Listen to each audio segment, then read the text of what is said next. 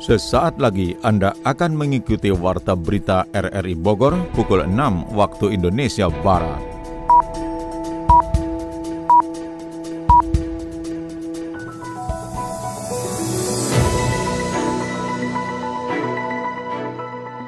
Selamat pagi dan salam jumpa. Kami kembali hadir dalam Warta Berita pagi ini Jumat 15 Desember 2023. Siaran ini juga dapat Anda dengarkan melalui audio streaming RRI Digital pada perangkat Android Anda. Serta dapat Anda dengarkan kembali melalui podcast kami di Spotify, Anchor, Potel, dan juga Google Podcast. Berikut kami sampaikan berita utama. Sejumlah rumah musola hingga sekolah di Kabupaten Bogor rusak akibat gempa magnitudo 4,6 yang melanda Sukabumi dan sekitarnya. Sedikitnya terjadi 62 kasus kekerasan pada anak di Kabupaten Bogor sepanjang tahun 2023. Badan Pengawas Pemilu mendalami laporan kampanye terselubung yang memanfaatkan program pemerintah dan jabatan. Bersama saya Ermel Bekata, inilah Warta Berita RRI Bogor selengkapnya.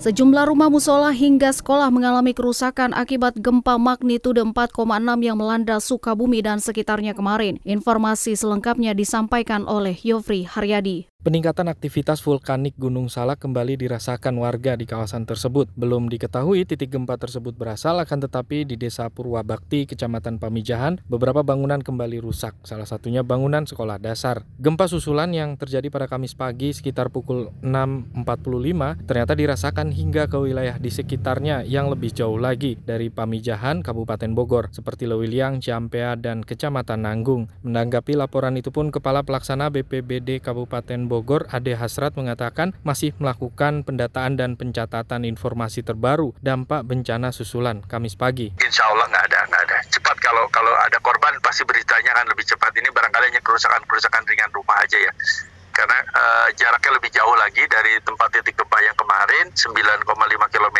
uh, hampir sama sih kalau magnitudonya sekitar 4,2 okay. tapi lebih jauh jaraknya jadi kemungkinan uh, gak, apa dampaknya lebih kecil tapi tetap kita harus antisipasi Sejumlah rumah, musola hingga sekolah mengalami kerusakan. Bangunan SD Negeri Ciasmara 4 Desa Ciasmara Pamijahan dikabarkan mengalami kerusakan akibat gempa Kamis pagi. Rata-rata kerusakan terjadi pada bagian dinding yang mengakibatkan atap bangunan ambruk dan membutuhkan perbaikan. Lebih lanjut, Ade Hasrat menambahkan tidak ada korban luka terlebih jiwa dalam kejadian tersebut, hanya kerusakan fisik bangunan saja. Sudah kirim tim, kita kita dari kami dari Tagana uh, itu sudah turun ke lapangan sejak hmm. tadi pagi. Kita sudah ke, ke lokasi yang di Pamijahan. Di misalnya di di Pamijahan di dua desa ada satu satu rumah, di Ciampea ada satu rumah. Kemudian kami masih cek juga yang di Lewiliang tapi belum ada laporannya juga. Hmm, gitu. Tapi tim udah dari pagi udah meluncur ke sana.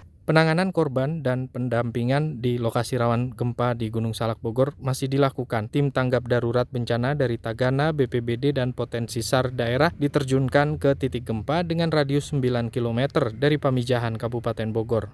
Sementara itu, Badan Penanggulangan Bencana Daerah BPBD Kota Bogor menyatakan tidak ada bangunan yang rusak akibat gempa bumi magnitudo 4,6 yang melanda Sukabumi dan sekitarnya. Laporan selengkapnya oleh Sony Agung Saputra. Gempa dengan kekuatan 4,6 di kawasan Sukabumi dan sekitarnya langsung menjadi perhatian dari BPBD Kota Bogor. Gempa dengan kekuatan tersebut juga dirasakan di sejumlah wilayah Sukabumi, Bogor hingga Depok, bahkan sebagian perbatasan DKI Jakarta. Kepala Pelaksana BPBD Kota Bogor Hidayatullah menjelaskan pengawasan dan monitoring adanya dampak gempa bumi berlangsung di semua kecamatan hingga kelurahan dengan adanya petugas yang bergerak cepat menindaklanjuti laporan masyarakat. Hingga kami sore pihak BPBD Kota Bogor belum menerima adanya adanya laporan kerusakan sehingga sebagian besar wilayah dalam keadaan aman dan terkendali. Uh, dapat kami laporkan uh, pasca gempa yang terjadi di pagi hari tadi pukul 6 lewat 35 untuk daerah Kota Bogor sampai saat ini eh, kami masih terus melakukan penyisiran. Tim TRC BPBD masih terus berkoordinasi dengan 68 kelurahan dan sampai hari ini dilaporkan masih nihil terkait dengan dampak gempa yang terjadi di pagi hari tadi tersebut.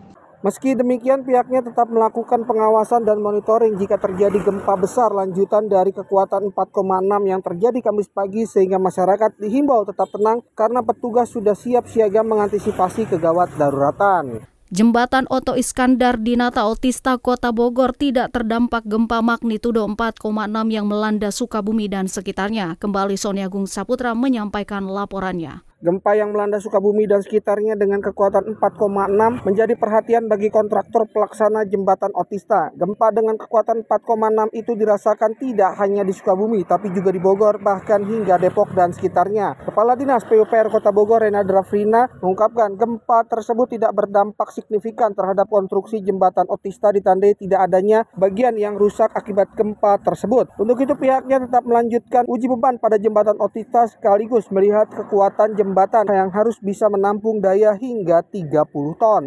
Jauh ini tidak ada dampak di jembatan Nafis. Nah, berarti tahan gempa ya Bu ya? Yes. Nah, terakhir uji beban seperti apa nih Bu hari ini? Hari ini kita akan adakan loading test namanya, hmm. jadi uji beban. Jadi ada yang statis, ada yang dinamis. Nah, yang statis itu pertama kita untuk menguji stressingnya, jadi tekanan dari beban ke jembatan. Yang kedua itu adalah menguji terkait dengan uh, deformator. Deformator itu terkait dengan lendutan ya. yang akan ditimbulkan dari beban yang diberikan kepada jembatan. Jika ada lendutan apa yang dilakukan? Jadi ada batas toleransinya.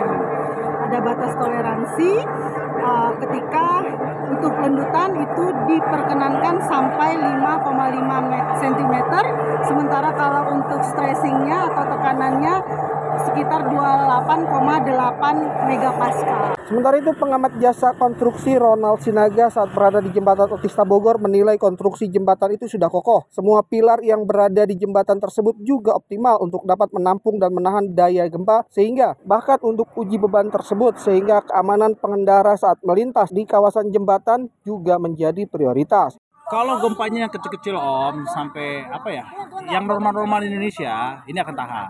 Hmm. Nah, kan kalau gempa itu kan yang bergerak itu kan tanah tuh di ujung-ujung jembatan. Oh. Nah, jembatannya itu hanya goyang mungkin 50 sampai 70% dari gerakan asli tanah. Kenapa? Hmm. Karena tulang jembatannya itu kan duduk di atas karet. Oh. Karet, karet ini duduk di atas tanah yang di bawah, pinheadnya ya kepala saya mencoba memakai bahasa yang ya, yang ya, anu ya. nih, yang awam yang awam. Di, di, supaya di ya. bilanglah ya di tiang. Tiang ini menyandar ke tanah. Nah, di atasnya hmm. itu ada karet.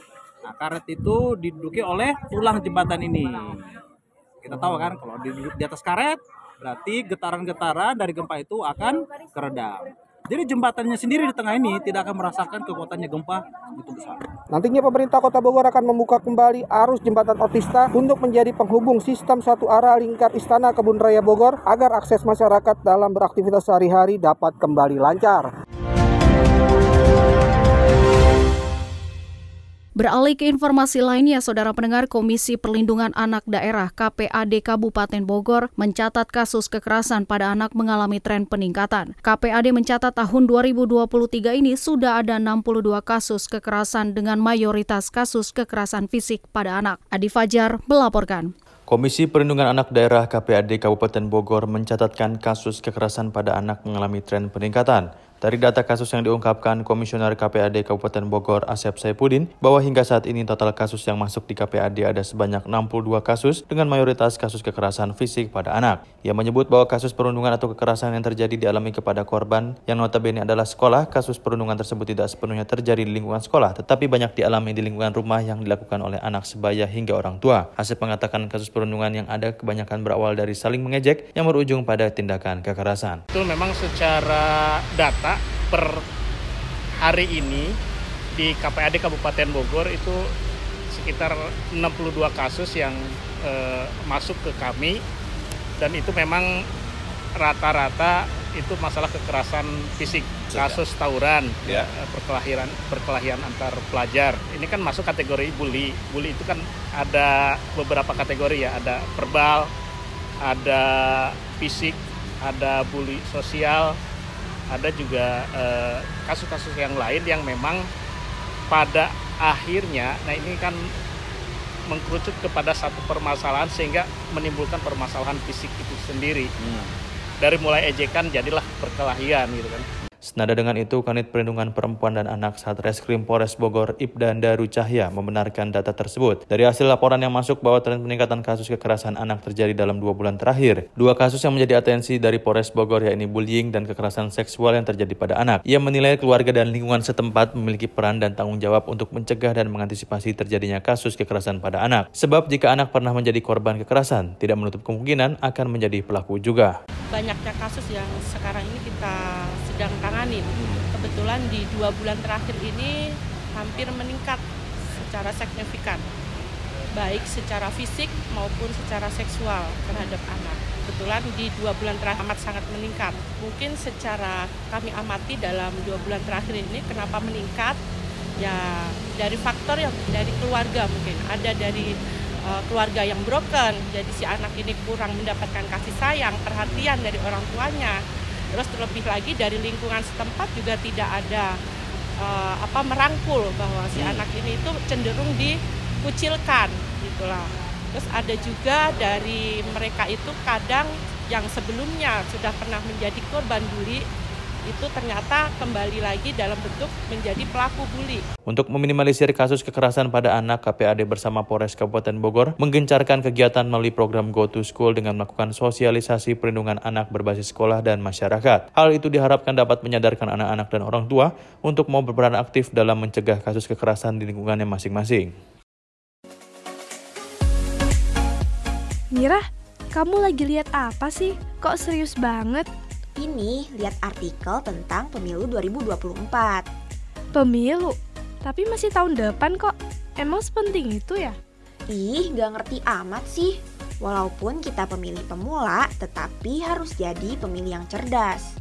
Jadi pemilih cerdas itu gimana sih? Anti golput. Terus sebelum memilih, kita harus cari tahu informasi rekam jejak para kandidat dan aktif mengikuti perkembangan soal pemilu. Gasken! Walau sebagai pemilih pemula, peran kita sama seperti pemilih lainnya. Satu suara bisa menentukan nasib seluruh bangsa Indonesia lima tahun mendatang, Zi. Aku siap jadi pemilih cerdas. Gerakan Cerdas Memilih RRI menuju Pemilih Cerdas.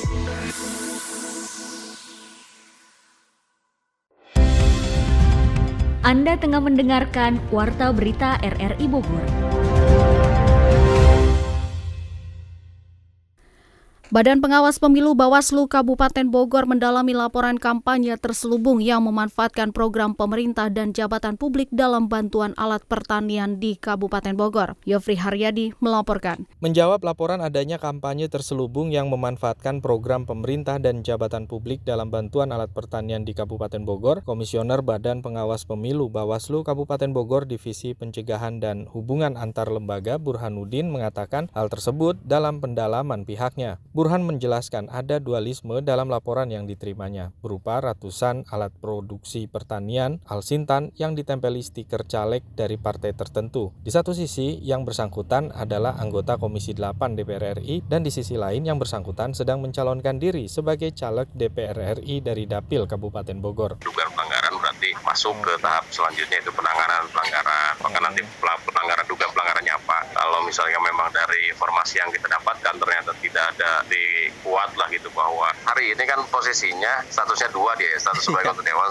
satu sebagai caleg nah ketika dia sebagai caleg gitu kemudian menggunakan fasilitas negara mungkin bisa bisa apa kalau terbukti ya gitu terbukti. Hmm. misalnya bukti-bukti yang kita kumpulkan ternyata menguat gitu bisa masuk gitu. Tapi kan belum sampai sejauh ini kan kita belum dapat informasi lengkap lah gitu. Kemarin misalnya ke, ke dinas kita hanya memastikan sejauh mana keterlibatan dinas gitu lebih lanjut Burhan menjelaskan, banyak laporan yang diterima pihaknya terkait penggunaan fasilitas negara untuk kampanye serta keterlibatan kepala desa dalam politik praktis. Meski belum memastikan adanya pelanggaran kampanye dalam laporan yang masuk, Bawaslu Kabupaten Bogor menjamin setiap laporan yang diterimanya diproses secara profesional. Warta Ekonomi Indonesia mendapatkan pinjaman investasi dari Bank Pembangunan Asia senilai 10,17 triliun rupiah. Presiden Joko Widodo menyatakan stok beras pemerintah hingga saat ini masih aman.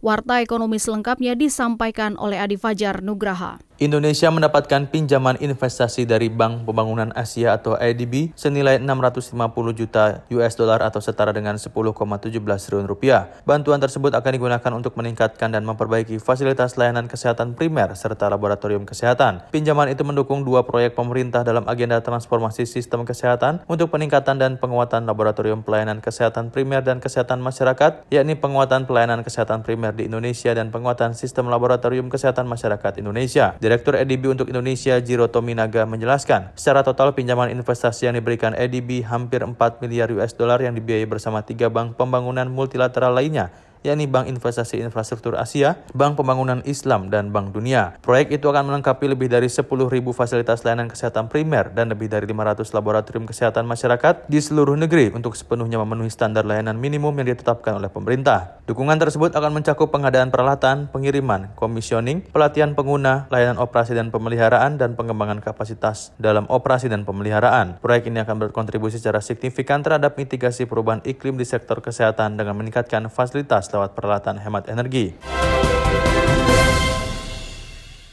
Presiden Joko Widodo menyatakan stok beras pemerintah sampai saat ini masih aman. Terakhir ia mengecek di gudang Bulog jumlahnya masih ada sekitar 1,4 juta ton. Hal ini diungkapkan Jokowi usai melakukan penanaman padi di Pekalongan, Jawa Tengah. Jokowi menjamin beras di Indonesia sudah aman apalagi sudah ada penanaman padi lagi. Di Pekalongan sendiri Jokowi mengatakan pemerintah ingin mempercepat petani untuk melakukan penanaman. Pasalnya curah hujan sudah mulai besar setelah sempat ada siklus kering El Nino yang mengganggu masa tanam. Rencananya bila tanam dilaksanakan saat ini, mulai bulan Maret atau April panen panen raya bisa segera dilakukan. Berita olahraga.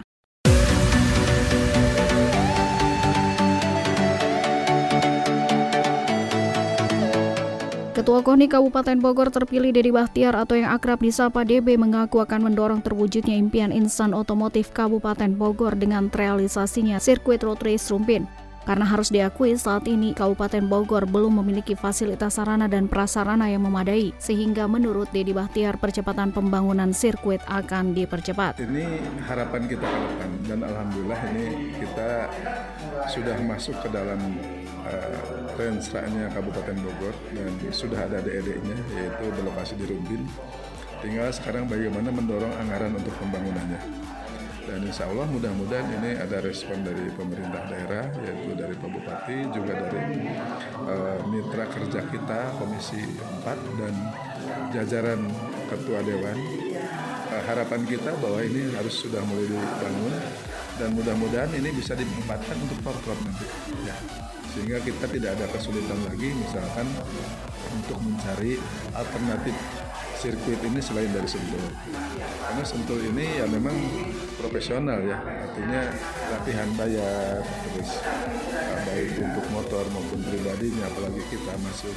Dan memang seperti itu, kalau ini udah profesional. Kita mungkin cari alternatif lain khususnya untuk pelatihan-pelatihan dan untuk uh, event-event tertentu yang memang bisa dilaksanakan di Kabupaten Bogor khususnya kalau kita sudah punya sirkuit jadi kita dalam pengkaderan pembibitan itu akan lebih mudah.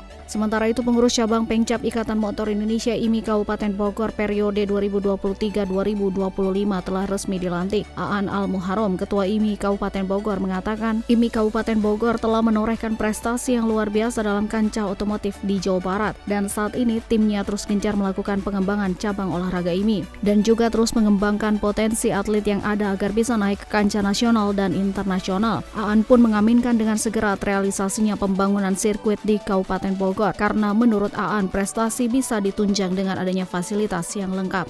Ya, kalau ke dunia otomotif kita pastinya untuk terus uh, berlomba untuk mereka lebih maju lagi di tingkat nasional, tapi untuk masyarakatnya kita minta juga untuk tidak balapan liar. Di sini sudah ada balapan resmi, silahkan ikuti dan tentunya dengan aktivitas seperti ini kan sama dengan uh, menyelamatkan generasi anak bangsa. Hal tersebut juga diaminkan oleh Kepala Dispora Kabupaten Bogor yang mewakili Bupati Bogor Asnan Ape yang mengatakan tahun ini rencana pembangunan sirkuit sudah diusulkan tinggal pengesahan oleh parlemen.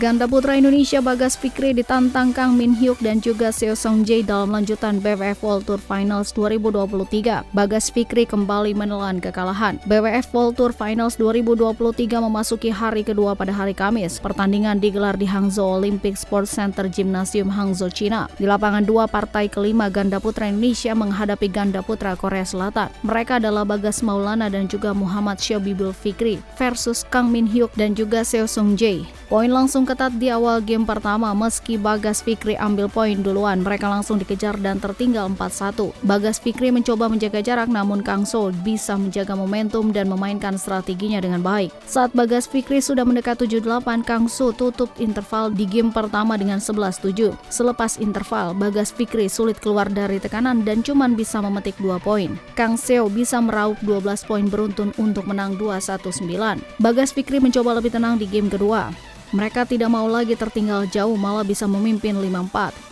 Namun pemain dari Korea memaksa Bagas Fikri melakukan kesalahan sendiri. Pasangan Korea Selatan itu kembali bisa unggul di interval game kedua 11-9.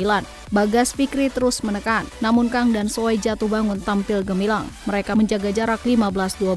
Kang Soe menjauh lagi dengan 3 poin beruntun untuk unggul 18-12 dan akhirnya mereka menang 21-12 dan mengakhiri laga dalam tempo 35 menit.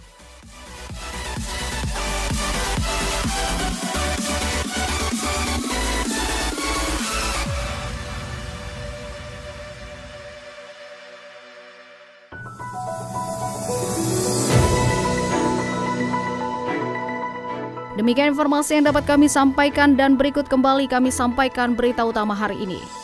Sejumlah rumah musola hingga sekolah di Kabupaten Bogor rusak akibat gempa magnitudo 4,6 yang melanda Sukabumi dan sekitarnya.